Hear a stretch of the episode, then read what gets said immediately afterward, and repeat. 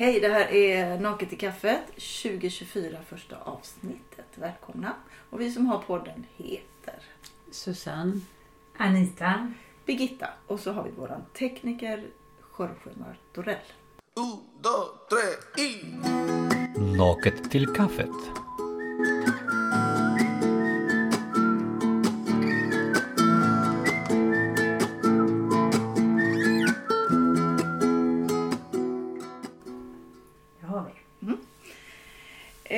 Ja, då ska vi börja 2024 med... Vi ska, vi ska ta ett, bara ett litet... Innan jag kör igång med ett riktigt mörker, för det blir lite mörkt denna gången, så tar vi lite ljusare saker. Och eh, jag läste i GP, eh, ni vet Thomas Sjödin, Mm. den här pastorn Mm, i mm. Saronkyrkan tror jag. 14 i första så skrev han väldigt gulligt så här. Ingenting är att förakta. Inget är för litet eller oansenligt för att mötas av vårt intresse. Allt har ett namn. Allt har en betydelse. Allt är viktigt. Och det är bra att tänka på när man känner sig mer som en fluga än en leopard. Och det tyckte jag att det är ganska bra ingång i det hela. Att allt har en betydelse. Även det mörka, det ljusa, det vad som helst. Allt betyder någonting. Och det är viktigt att prata om saker. Så tänkte jag. Mm. Men innan vi sätter igång med riktiga mörkret så tänkte jag man eh, tar bara en, sådär, någon minut bara och eh, fräser ifrån olika jävligheter. Och sen börjar vi. Jag har lite som jag är riktigt förbannad på. Har ni något ni är arga på? Så ni kan bara... Ah, så här, några minuter bara. Just nu att mina choklad eh, brownies bara försvann. Mm, det är retfullt. Ingenstans. Det Ja, var ju det väldigt märkligt. Mm. Ja, Men jag, vi vet väl kanske vem. Nej, det är ju lite oklart fortfarande men eh, kanske har jag slarvat bort dem själv. Jag Eller inte. ditt barnbarn ätit upp dem. Har Ja, berättat jag med tror inte hon har ätit upp dem. Hon Nej. kanske fått med dem bara. Ja, mm. mm. jag har ju svårt att inte tänka på att jag tycker det är så störande att eh, mm, politiker är så dumma i huvudet helt enkelt. Alltså jag menar inte bara att de har, tycker något annorlunda men att de är så inkompetenta. Alltså rent intellektuellt. Det kan oroa mig. Det är Mm. mycket svårt att tänka på att ens politiker är dumma i huvudet. Ja, Rent ut sagt. är- Rent ut sagt dumma i huvudet. Ja, att En de sån är låg nivå. Så att, eh, obildade, osmarta, lever i någon bubbla som helt isolerade från verklighet. Ja, det är Mm. obehagligt. mm, det är det. Och jag känner mig fullkomligt rasande på det här med NATO. Att det är kört. Till och med Ryssland sa att alltså Sverige, vad är det med dem? De går ifrån en politik med alliansfrihet som har varit så bra i så många år. Och nu bjuder de in till hela världen nu att vi är sårbara. Och det gör man, alltså det kan man fatta med lillfingret att det här är, ökar all spänning runt omkring ja, där vi bor. Mm. ja, det, det, är så, det är så dumt och jag blir så arg på Magdalena Andersson. Hon startade det hela, sossarna. Jag är svinarg på dem. Det är jag. Och så är jag arg på Ulf Kristersson som ska ha födelsedagsparty för sig själv när han fyller 60 år. Det är det fjärde partyt han ska ha och som vi skattebetalare betalar. Han har ju liksom byggt upp det här lite. Han har inte ett kalas, han ska ha fyra kalas. Och det sista bjöd han in hur många människor som helst. Och det är vi som betalar. Hans alltså, det jävla kalas. ens kan få vara så. Hur då. kan det ens få vara så? Ja? Vad är det med människor? I, när man har kommit upp i det skiktet kan Mm. man inte fatta. Ska jag ha ett kalas får jag betala det själv. Som vi vanliga gör. Du vet att eh, hon, jag kommer inte ihåg vad hon heter, men hon har varit, är fortfarande kanske, men hon ska avgå nu. LOs ledare. Mm. Och hon avgår dels, eh, eller kanske framförallt av personliga skäl. Men hon sa nu att Sverige är det land i världen där klyftorna ökar snabbast. Ja. Mm. Mm. Och det är så. Ehm, så, så jag känner att jag är så rasande på vad som händer runt omkring så jag kan nästan inte prata om det för jag fastnar. Jag kommer bli som den här, om ni har sett den här Kärlek och anarki, den här pappan som bygger en kista och lägger sig på Sergels torg. Alltså, jag kommer bli någon sån dåre. Man blir så jävla arg på Ja. allt som händer. Ja. Och så pratar de på radion att regionerna får inga pengar till sjukvården. I Göteborg tar man bort en massa ambulanser. Skolan får inga pengar, förskolan får inga pengar. Eh, Men det finns så mycket pengar att lägga på vapen. Mm. Mm. Och ska man den enda gången man pratar om att rusta upp sjukvården det är för att den ska vara stark ifall det blir krig. Ja, nej, men gud. Nej, men alltså, Ja, ja, ja, jag bara känner... vi, man, vi sitter Man, ju eh, liksom i, ofta på jobbet och så börjar vi gå igång. Ja. Och det, det finns som ingen gräns på ilskan som man kan känna liksom, som folk lägger på från olika synvinklar. För det, Men det, det finns ju inga gränser. Det är totalt, politiken har blivit helt gränslös. Alltså man sätter på radion så kommer först Ja, det är en kvinna, hon lever på gränsen. Hon har inte mat eller även barn som inte är mätta. Och som, så civilsamhället har ju ökat hjälpen till svenskar för att få mat Mm. ofantligt. Och så nästa nyhetsinslag är rekordhöga vinster för Volvo med rekordutdelning och Bankerna. rekordhöga vinster för bankerna. Extremvinster för Ja. bankerna. Så det kommer liksom den nyheten bredvid den. Och det är bara liksom som ungefär fakta. Det är inte något liksom... Inget ifrågasättande, ingen, ingen kritisk analys överhuvudtaget. Utan nej. Men det är som att det är ingen politik längre. Det, är ingen, det, det finns ingen... Nej, men det här har vi pratat om 50 000 gånger. Nej, men det är det jag menar, man fastnar ju till slut. Det är Ja. därför jag kommer bli som han Ja. som kedjar fast mig någonstans och bara sitter och... Alltså det är lätt att fast... Alltså jag vet inte Ja. vad man ska göra av all sin ilska. Nej, det är ju det. Nej. För att det är så mörkt Mm, det är det. så att... Eh, det, man måste på något vis ändå ta sig i kragen och inte fastna i mörkret. Ja, det är det. Och nu ska vi gå in lite mörkare grejer, fast mycket mer personliga grejer då. Tänkte jag. Jag läste, jag bygger hela mitt prat här som jag ska prata. Och jag tänker inte sluta prata för jag tänker prata klart. Även om tiden har gått över så tänker jag inte stoppa podden på något sätt. Susanna och Anita de förstår inte vad jag pratar om. Det är ingen Nej. som har koll på någon tid. Nej, vi har, jag kom på det också. Vi, denna gången har vi inte satt på. nu tittar jag här alltså. Ja, Sen vi- stänger jag av sen. efter Och jag tänker fortsätta prata. Så är det. Nej men så här är det. Ehm, jag har följt, jag, eller jag dök på hon eh, Malin Lindroth. Jag vet, nej. Mm. Hon har skrivit i GP 26 november 23 var det en artikel av Nina Morby om Malin Lindroths bok som kom Mm. 2018. Ja, författaren. Ja just det, ja precis. Ja. Mm. Hon skrev en bok som heter Nuckan. Mm. Mm. Och det tycker jag är väldigt intressant. Mycket intressant tema. Eh, och då i den 26 november så var det då en artikel när hon Nina Mårby hade läst. Hon läste om den boken som hon hade eh, skrivit då. För det var väldigt aktuellt för henne. Hon var i en separation då och så. Eh, och då är det så här. Då ska ni få höra vad de säger i Svenska Akademins ordbok vad nucka betyder. Då måste jag bläddra här. Tyvärr blir det lite bläddrar i podden. Jag kunde inte skriva ner det för det var lite långt. Nu ska vi se vad är det nu då. Eller skrev jag det här? Så här. Enligt Svenska Akademins ordbok så betyder nucka en äldre kvinna som är känslokall, erotiskt kall, ibland rent eh, frånstötande och som ofta har en oförstående inställning gentemot ungdom. Det, är, ord- det betyder nucka i Svenska Akademin. Alltså, en äldre kvinna som är känslokall, erotiskt kall. Mm. Det är, är intressant att liksom ha det i tanken. Så står det i våran bok. Då ska vi börja lite med oss själva här nu. För det går ju, det, man tänker, ja men det rör inte oss.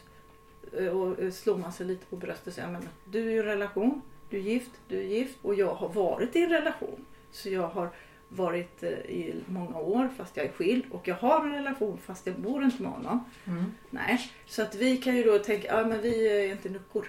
Vi är Mm. inte de där fula, erotiskt kalla, frånstötande kvinnorna. Mm. Nej, men det handlar liksom inte om det. För det är hela tiden det här, det är också ett sätt att distansera sig från det hemska. Att man slår sig lite så här på bröstet. Ja men usch, jag är inte där i alla fall. Men vi kan ju tycka synd om de som är där. Stackars människor, det måste vara något fel på dem. Antingen är de fula eller så är de... Det är, någon, det, är, alltså, det är ingen som kan vara med henne. Det måste vara något fel på henne liksom. Och så stöter man bort de människorna. Och då tänker jag så här. När vi växer upp, det vi uppfostrar våra barn från det att vi föds, så föds vi in att det ska vara en tvåsamhet. En bild av en tvåsamhet. Det är det du föds när du blir stor. Blir du mamma eller pappa? Alltså oftast är det ju man och kvinna. Även om man tänker man, man kommer fort nu mer än vad det gjorde förr. Och kvinna, kvinna är också en relation. Men det är oftast man och kvinna. Och du växer upp med den bilden av att det som är meningen med att växa upp och bli vuxen, det är att du ska gå in i en tvåsamhet. Mm. Det är det ditt mål som blir ditt liv. Och där får du kämpa som en jäkel när du kommer tonåring. Nu är det dags, nu börjar jakten. Nu ska du in i det här. Du ska jaga vem ska jag vara med och så där hufka. Och så börjar det här liksom spelet män och kvinnor emellan. Och så när du väl har lyckats, ja jag har en relation. Ja, uh, då kan vi andas ut för då har man kommit in i något som de kallar de önskades krets. Vi är i de önskades krets och det är det som är nummer ett i att bli vuxen. Komma in i de önskades krets. För där är vi säkra. För samhällets normer är så starka. Det här är det du ska jobba för att komma in här. Och hamnar du inte där, ja då, då är det som sagt det är något fel på dig. Vi måste rätta till felet. Stackare, vet du vad, snart kommer den rätta.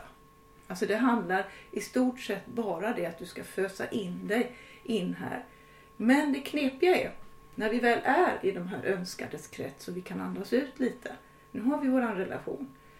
Då helt plötsligt kan det vara så att man är inte varsam om relationen. För då har man slappnat av. Förstår ni vad jag menar? Mm. Att man börjar slappna av där och att man inte bryr sig om relationen. För nu har jag ju kommit in där. Nu behöver jag inte jaga så förbannat.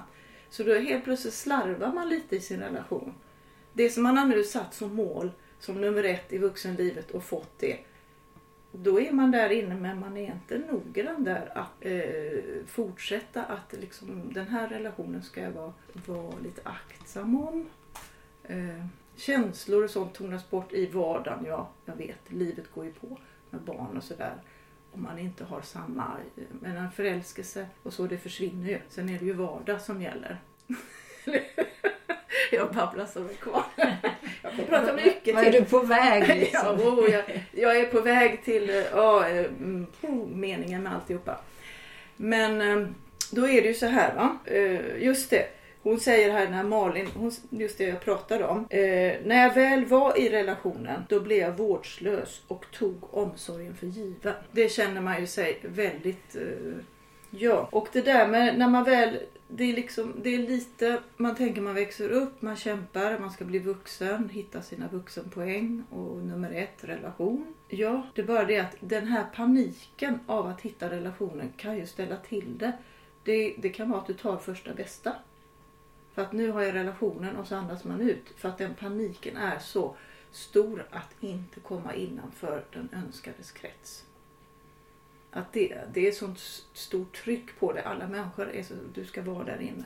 Så då kanske du tar en relation som du inte är helt hundra. Som du kanske inte märker men du märker kanske snart att det här är inte hundra. Och så fortsätter du för du är ändå där inne. Du har klarat det första steget. Mm. Sen vuxenpoäng byggs ju på hela livet med bil och villa och allt, karriär och så. Men det här är nummer ett liksom. Eller hur? Ni känner igen detta? Lite grann? Nej, jag känner Nej. inte igen det riktigt Nej, okej, spännande. Eh, Men det är för att inte jag upplevde, upplevde det så. Nej. Utan jag hade ju en relation som jag var... Det var ju en fantastisk relation som jag hade och jag blev ju gravid väldigt tidigt. Men jag har aldrig känt den där... Och det är kanske därför jag aldrig kände att det var någon ja, kamp eller jakt. Eller för det, jag var ju så pass ung. Hur gammal var du när ni du och Stefan blev ihop? Eh, ja, vad var jag? Eh, vi gifte oss ett år innan Jens föddes. Och han, då var jag ju 20 när han föddes. Jag, födde, Mm. jag, jag, föd, eller, för, jag fyllde 21 i september Mm. och han är född i juli. Eh, men du då hade vi gift oss 20. ett år innan. Mm. Så att jag kanske var 18 när vi träffades eller något. Ja, Men jag känner, jag har aldrig känt Mm. den där Mm. som du beskriver. Mm. Men det är säkert många som har gjort det. Men Ja, jag, jag tror inte att, känna igen mig. att något Mm. allmängiltigt kanske det är. Jag vet inte. Men jag, jag känner inte igen mig. Men inte om du backar innan den här relationen. Alltså när du var liten, du känner inte igen att det här när jag blir vuxen ska jag ha familj och ska Jo, men det tänkte man nog alltid att man Ja. skulle... Det går ju tillbaka ända tills man höll på som tioåring och lekte den här leken med stenarna. Hur många barn får Ja. jag när jag blir stor? stor. Ja, precis. Så det var ju självklart. Och då tänker du väl att du sitter är i relation med, med någon annan. Så är det klart för att få barn. Ja, ja. Mm. Mm. Jo, men jag tänker att det är där som Men jag är- kände aldrig det här, åh, nu tar jag första bästa här bara för att du Nej. ska... Nej, verkligen inte. Nej. Nej, det behöver ju inte vara så. Alltså jag menar inte att allt är så. Jag bara, det kan vara så att det här ställer till det för vissa. Just det här trycket och den här rädslan att inte hamna där. Att det kan bli så. Nu blev det inte så för dig. Nej. Eh, Så, men själva eh, mönstret fanns ju där innan hos dig. Hur många barn ska jag, när jag ha när jag blir stor? Jo, men det, är ju såna, det det, finns ju sådana ska- normer i samhället såklart. Och Även om vi här i Sverige och den här delen av världen vi lever i så är ju normerna lite mer uppluckrade. I många andra kulturer så är de ju extremt mycket starkare. Att det Mm. måste vara så. Mm. Idag kan ju man få barn själv utan att det är något problem. Mm. Men ändå starka normer. Jag tänkte Mm. bara på, på när vi var häromdagen på Blackbird, den restaurangen och lyssnade på Sven-Erik Lidman. Mm. Så pratade lite med Anders. Mm. Och han sa att han försökte boka bord på deras bordsbokning. Men det går inte att boka för en person. Nej. Minimum är att man är två. Sådana där underliggande Ja. grejer som man kanske inte... Ja. Ja. Att gå ut precis. ensam och äta, nej. Det... Det är ju jättekonstigt. Men, alltså det, men om man hade ringt hade du säkert gått. Ja, ja. Men, Ja, eh, bokningssystemet Ja. tillät Nej, inte jag bara Ja. menar det är såna där, det är det som ofta är normer. Det är Mm. det där som... Osynliga som- regler. osynliga, Ja. Mm. Som en, Sen, precis, det är det jag men- menar. Det är det jag vill åt. Att det, vårt samhälle är uppbyggt på just det här. Och att det ställer till det för folk, för oss. Sen att vi drabbas olika. Det är ord, men vi har det i vår ryggmärg på något sätt. Just det här att, som du sa, han kan inte boka själv. Du måste vara två. Mm. Tvåsamhet är nummer ett, att bli vuxen. För eh, man, man tänker det här med, ja just det, meningen med en relation. Alltså en relation, gemenskap, det är ju någonting fint. Det är någonting som man, det är inget dåligt så. Men det dåliga är ju det här att du tvingas in i att du ska bli, att du blir erkänd först av samhället när du är i en tvåsamhet. Att du passar in i mönstren när du är i en tvåsamhet. Just med bokning och gå middag, vad som är lämpligt. Det är inte så läm... Alltså det... Du kan ju gå ut och äta middag själv, ja. Men det tittas ju på en. Om du sätter dig själv vid ett bord så tittas det på en. Och det börjar funderingar. Det absolut gör jag också. Jag ser en människa som si- sitter där själv så börjar jag. Åh, är han ensam eller hon ensam? Alltså det kommer sådana funderingar i mig. Mm. Att, och det är ju också ett tecken på att det där sitter i ryggmärgen. Tankar om normer och så. Men en liten rolig som jag kan bara sticka av med så att det inte blir för mörkt. Det är så här, jag hörde idag på Spanarna en väldigt liten kul grej. Ehm, Det här med att stämma folk för olika grejer har ju blivit ökat väldigt mycket. Och det, jag vet inte om det var en spansk kvinna eller en fransk. Jag blir osäker där. Men hon stämde sin man för obetald arbetskraft. Och då tänkte man, får hon rätt? Jo då, hon fick rätt. Två miljoner. Mannen skadeståndsskyldig. I Spanien eller i Frankrike? I Frankrike, något av de två var det. Jag kommer ha eh, eh, vet inte om jag fattade det fel, men det var ganska kul. Men de, och det var två fall som lyckades komma, de var tvungna att stoppa den. De var ändra lagen så att inte det, för annars hade det varit katastrof. Ja, ja, ja. Om alla hade, jag menar det, om det hade spridit sig som en allmän norm, du kan fan stämma din man. Men det var två fall som lyckades också komma igenom som fick rätt innan de lyckades stoppa. Lite kul. Everybody wants to go home. Naket till kaffet. Everybody's checking their phones now. I call bullshit. The night is young. My drug of choice, and I sure ain't done. Mm. Det man egentligen tycker jag man kan tänka på som det här med istället för att uppfostra sina barn till en tvåsamhet. Att hålla på så mycket med det. Så det viktiga borde vara för tvåsamhet är ju ingen naturlag. Det är inte så att vi, det här är någonting som ska hända allihop. Det kommer av sig själv. Det är det inte utan du får ju oftast kämpa dig in i en tvåsamhet på något sätt. Och, men i alla fall, det är ingen naturlag men livet kan ju vara fullgott ändå.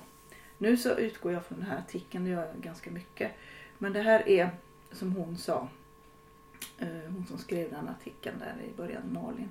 Livet kan vara fullgott ändå trots längtan efter en partner. Det är inte ensamheten man ska frukta utan det är att bli hemliga, att gömma undan oss som vi på riktigt ska akta oss för. Alltså att göra alla de där eh, singelmänniskorna, nuckorna, till de här eh, som är ett mysterium. Lite, eh, det är något fel på dem och, och vi ska försöka få in dem i den här kretsen igen så att vi, ja, att man tycker synd om dem på olika sätt. Då. För det här nuckans öde kan nämligen bli vårt, allas. Vi kan alla drabbas där. För livet går ju på. Eh, någon dör. Ens partner dör, man separerar. Vännerna hittar sina familjer. Eh, ja, jag kommer ihåg en gång när jag var väldigt ung. Jag kommer inte ihåg hur gammal kan jag ha varit. Men en av mina bästa kompisar sa så här till mig. Alltså jag var, det var ändå i tonåringen för då hade det här börjat med man och kvinna och så. Och då så sa han, du jag har, eh, jag har nog hittat en kille så vi kan inte, vara till, vi kan inte träffas så mycket då. Nej, nej, nej det förstår jag ju. Det var liksom helt solklart. Nej det förstår jag absolut. Det går ju före liksom. Mm. Men det, var som att nu har hon lyckats in i vuxenlivet för jag har hittat en kille. Och det är ju lite... Eh, ja men det är ju det är så det funkar. Det är ju hemskt på något sätt. Att det kan ju, och om man då inte har hittat en kille då eller en partner. Ja, då blir det de här ensamma som går runt. Och och den här ensamheten den kan ju uppfylla sig själv lite grann också. Du har ingen... Du kan inte träna dig i gemenskap om du blir ensam för mycket. Och det är ju så att du blir liksom lite utstött också på något sätt. För det är inte så som sagt var. Du, det, eh, du kanske inte blir bjuden på middagar för du har inte någon partner. Det passar inte in i det jämna antalet. Det är massa sånt. Det kan man ju tycka kanske är fånigt. När vi sitter där för, och jag bryr mig inte om det även om jag har en partner. Så tänker inte jag på det så. Alltså jag är ju med er Mm, ändå. Fast ni mm. har män. Men Mm. jag vet många som säger eh, just det, nej jag vill inte gå för att eh, nej just det, det känns inte rätt liksom. Om Mm. man inte har någon. Och jag vet mm, som Karl berättar att han träffar bara vissa av sina vänner för att de andra vännerna Nej, nu har ju, jag är ju skild och det är en stor skam liksom. Det är fortfarande Mm. liksom tabu att prata om att man har drabbats av det där att bli utkickad. För jag funderar just när vi, du pratade här nuckan, då är det ju Mm. en kvinna. Vad är motsvarigheten för man? Ja, det heter, vad heter det? Vad säger man? Jag vet inte. Jo, det finns ju ett ord. Jag tänker det finns ju ett ord för de som aldrig har haft någon kanske, som blir kvar hemma. Bor hemma med föräldrarna ungefär. Men det, Det är gampojk Ja. säger man ju då. Men det finns... men det, är, en- det är en annan sak. Fast det kanske är Ja. sam, lite samma, jag vet inte. Fast jag menar vi här är ju ändå... Man, det är alltid på olika nivåer Ja. det här. Därför Mm. att vi kan ju till och med sitta och diskutera detta. Mm. Men jag menar det finns ju... Och det är för att vi har haft det i alla fall. Nu börjar till och med det ändras på sig för de pratar om att det är färre skilsmässor nu på grund av ekonomiska svårigheter. Mm. Att folk håller ihop bara för att de klarar sig inte ekonomiskt med för höga lån och så vidare. Men det har ju varit en bas i Sverige just det här att jag kan faktiskt skilja mig. Jag kan klara mig själv till Mm. exempel. Ehm, min mormors generation var ju det omöjligt. Det gick Ja, ja. inte rent ekonomiskt. En kvinna kunde inte klara sig själv Nej. på det sättet. Utan det var ju bara att stå ut med en man som kanske man helst hade lämnat. Mm. Mm. Så det är på olika nivåer. För här är det, möj- alltså det är både möjligt att eh, bo själv, strunta i att gifta sig, strunta i att skaffa barn. Det är många som gör det idag. Mm. Man ser hur framtiden ser ut så kan man be- besluta sig för nej men jag vill inte ha något barn. Mm. Eller kvinnor som skaffar barn via donatorer. Mm. Det är ju också mer vanligt. Mm. Så att men då tänker jag att vi är på en annan eh, nivå ändå. Klart att det finns starka normer. Men om man jämför med eh, samhällen och kulturer som många av de elever jag jobbar med kommer ifrån. Där föräldrarna bestämmer direkt. Då behöver inte gå omkring och ha ångest för det är mamma och pappa som bestämmer det är den här mannen du ska gifta dig med. Mm. Det är fortfarande ganska vanligt i många Ja. länder. Mm, och det är inte tal om att du själv ska välja eller försöka. Alltså det blir... Förstå, jag vill bara tänka att det är olika perspektiv. Mm. Här kan det bli ett problem då, den här normen. För att vi har valmöjligheter fortfarande. Och vi själva ska eh, kämpa för, att, för den här... För någonstans, fast att vi är så fria, eh, situationstecken, så ligger ändå den här normen i bakgrunden att det är två, Mm. tvåsamhet. Och helst då en man och en kvinna är ju den Mm. som du säger, den överliggande normen. Men det kan också vara ett litet så här... Vad ska jag säga? Vi har möjlighet att sitta och diskutera det på den nivån medan man i eh, många större delen av världen inte ens kan välja alls. Liksom. Mm. Mm. Sverige är, jag tror det är världens land som med världens största andel ensamboende. Mm. Ja. Så, så jag, bara, jag bara tänker med normer, de ändras ju på, från plats till plats och över tid. Någonstans så borde ju det tippa över till slut. Om det är så många ensam, alltså som lever ensamma eh, av olika skäl. Eh, så kanske den här normen, jag vet inte, den borde ju förändras liksom. Men jag tror För att det redan har han- förändrats i han- storstäder Det framförallt. handlar ju mycket om vad är vanligt liksom. Mm. Och för det blir så här att det blir mer och mer vanligt ja, att hälften av mina bekanta bor också själva. Ja, ja. Då, blir, då ändras ju normer Mm. liksom. Mm, men jag tror ändå att det finns den här, som du säger där, nedärvda på något vis. Den här eh, föreställningen om att Mm. eh, familjen, tvåsamheten är det som är Mm. det rätta. Ja, Och det absolut. kämpar säkert hur många som helst med. Mm. Och framförallt kvinnor som känner att "Nej, men nu är det snart kört, nu kan jag inte få barn. ja precis. Där får man, finns det en stor ångest som drabbar en. Ja. Eh, om man då inte tar beslutet att nej men jag, då bestämmer jag själv. Då, då blir jag gravid i alla fall. Sen har jag en, en bild, fast jag, den har jag ju inte siffror på, men att eh, då är det liksom jobbigast för, för kvinnorna. Men sen att det är, då min fördom, att det är oftare kvinnor som tar initiativ till en skilsmässa när man kanske efter när barnen bör, har börjat bli stora. Mm. Och att, och att kvinnan har ett stort socialt nätverk Mm. och, och liksom ha Mm. ett samma medan då de här ensamma männen blir extremt isolerade. Mm. Mm. Ja, jag vet ju inte hur, vad det är för statistik på det men det är, Det är det så, jag man, tänker också. det man brukar ju säga så att, att och det är ofta är det ju kvinnan som håller uppe det sociala umgänget i en relation också. Mm. Det är ju kvinnorna ofta som upp, ser till att det blir middagar, att man bjuder hem folk. Det är oftast kvinnorna som ser till det. Så då har de ju ett nätverk när man skiljer sig. Mm. Absolut. Ehm, Men det här med singellivet, alltså Mm. det kan ju vara det kan ju också, det, det är lite det här, det kan göras lite tjusigt. Det finns ju den nivån, det är, det är olika nivåer på de som är singlar.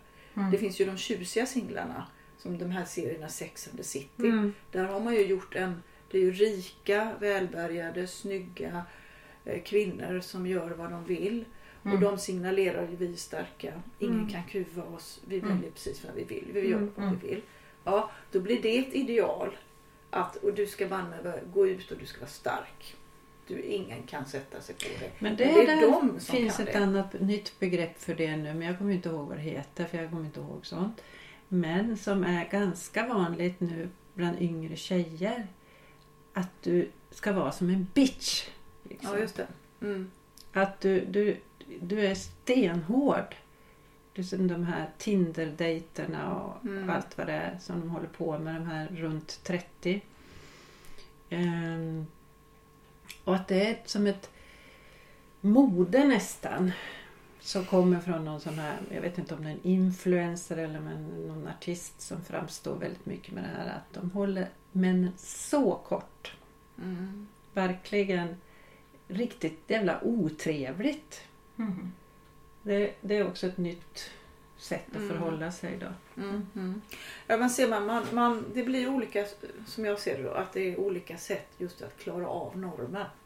Hur ska jag finna mig i den här normen? Hur ska jag passa in i den här normen? Om jag ska leva ett annat liv, hur, hur rättar jag in mig då? Och, eh, är man den här tjusiga singelkvinnan då är, det ju mycket lättare. För hon står nästan högre än tvåsamheten. Hon har nästan högre status än ett gift par. Man säger så, för de är ju tjusiga och alla ser upp till dem på något sätt. så. Men det där är ju en ensamhet som de är vald. En, en ensamhet som inte är vald är ju den hemska. Där du inte har de möjligheterna.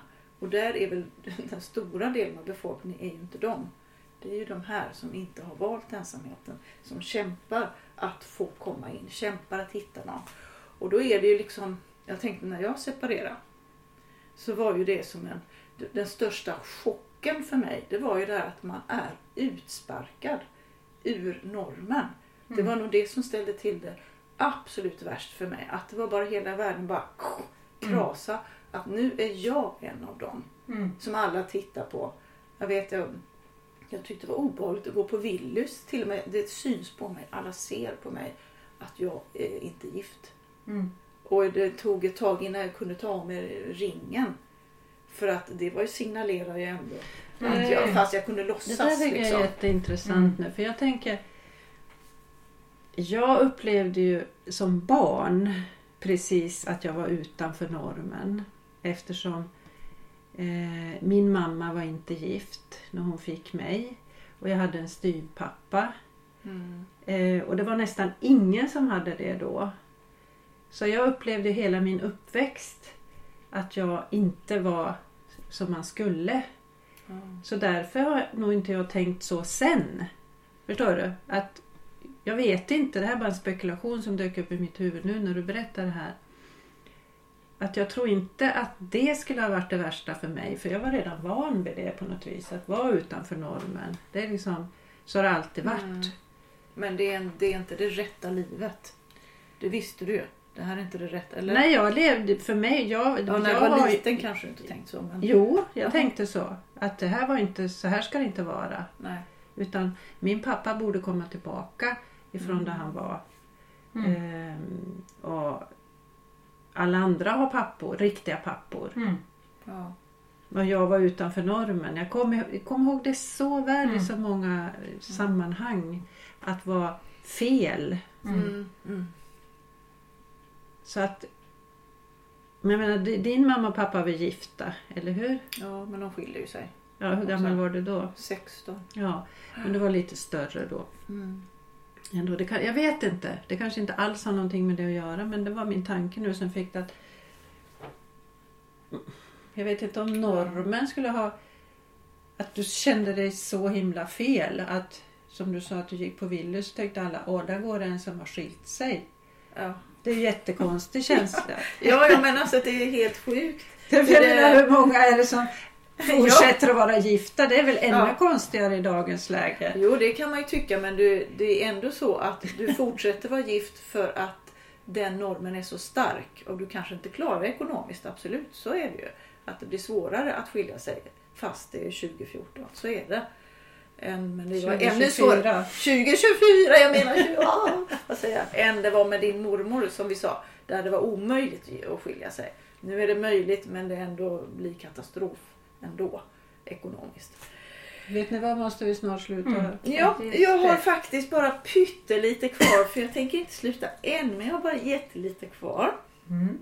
Ehm, jag ska se vilket jag ska ta som är det bästa. Ja, ja, ja okej, jag får väl sluta då. Då, ja, då, tar jag, då får jag, tar jag slutet. Vad kan vi nu lära oss av nuckan? För det är en, ändå en viktig... Ja, det prasslar lite. Ska se. Ja, det är ändå en viktig lärdom eftersom nuckan berör oss alla. Även om, som jag sa innan, att vi är i olika relationer och eh, har varit alltihopa. Så berör det oss ändå. Det kan vara våra barn det kan handla om. Det kan vara liksom att man berör att man, hur man Mm. ser på det här eh, begreppet nuckan. Att eh, Mm. det är en människa som faktiskt är en människa. och vi är alla ensamma. När vi dör och föds är vi ensamma. Men mitt emellan där så håller vi på med olika relationer och försöker kämpa oss upp till den här nivån av eh, partnerskap och innanför kretsen. Så det enda jag tänker är man ska vara rädd om relationer. Man ska vara rädd om vänskap. Sluta behandla relationer vårdslöst. För vänskap är det enda. Ja, men jag skulle vilja lägga till där Ja, att nucka Mm. är ju ett av alla nedsättande ord av kvinnor som man Ja. håller på med hela tiden. Ja. Hora, fitta, Ja, allt. Bitch, liksom. jo. Ehm, och det är bara ett ord till i mängden. Men man ska också tänka så här. Stanna inte i en dålig relation. Nej. Det är ju fan ännu värre. Finns ju, Såklart. så finns ju hur många som helst som, som blir misshandlade i sina relationer, som blir nedtryckta. Så att det får Ja. finnas en balans där. Vårda inte relationen om du är ihop med en idiot. Nej, det ingår ju också. Att vårda en relation är att säga ifrån mot något som är, fel. Det är också vårda en relation. Det är vårda sin egen relation till sig själv. Det handlar ju om sånt också.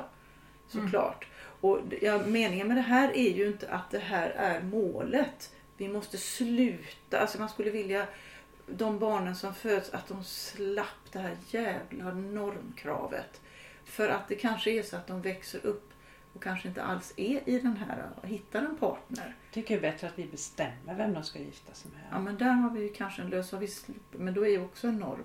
Är, Ja. Du ska bli två och jag det är tänker bättre att bestämma. mamma får bestämma direkt så Ja. slipper man, eller hur? Ska inte det vara bra? Jo, jo ja, ja, eh, kanske det. Lösning. Nej, men jag bara menar så här att istället om man tänker på samhällen för eh, långt, långt, långt, långt, långt tillbaka så var det ju inte tvåsamhet. Det var ett kollektiv. Man Eva tänkte kollektiv. Adam. Vad sa du? Eva och Adam. Inte driver ni med mig fan. Nej men att jag menar att där är vi ju inte. Vi lever ju liksom inte på ur eh, ne- nå- 1100-talet eller något. Vi lever nu såklart och normen är tvåsamhet. Det är, så är det.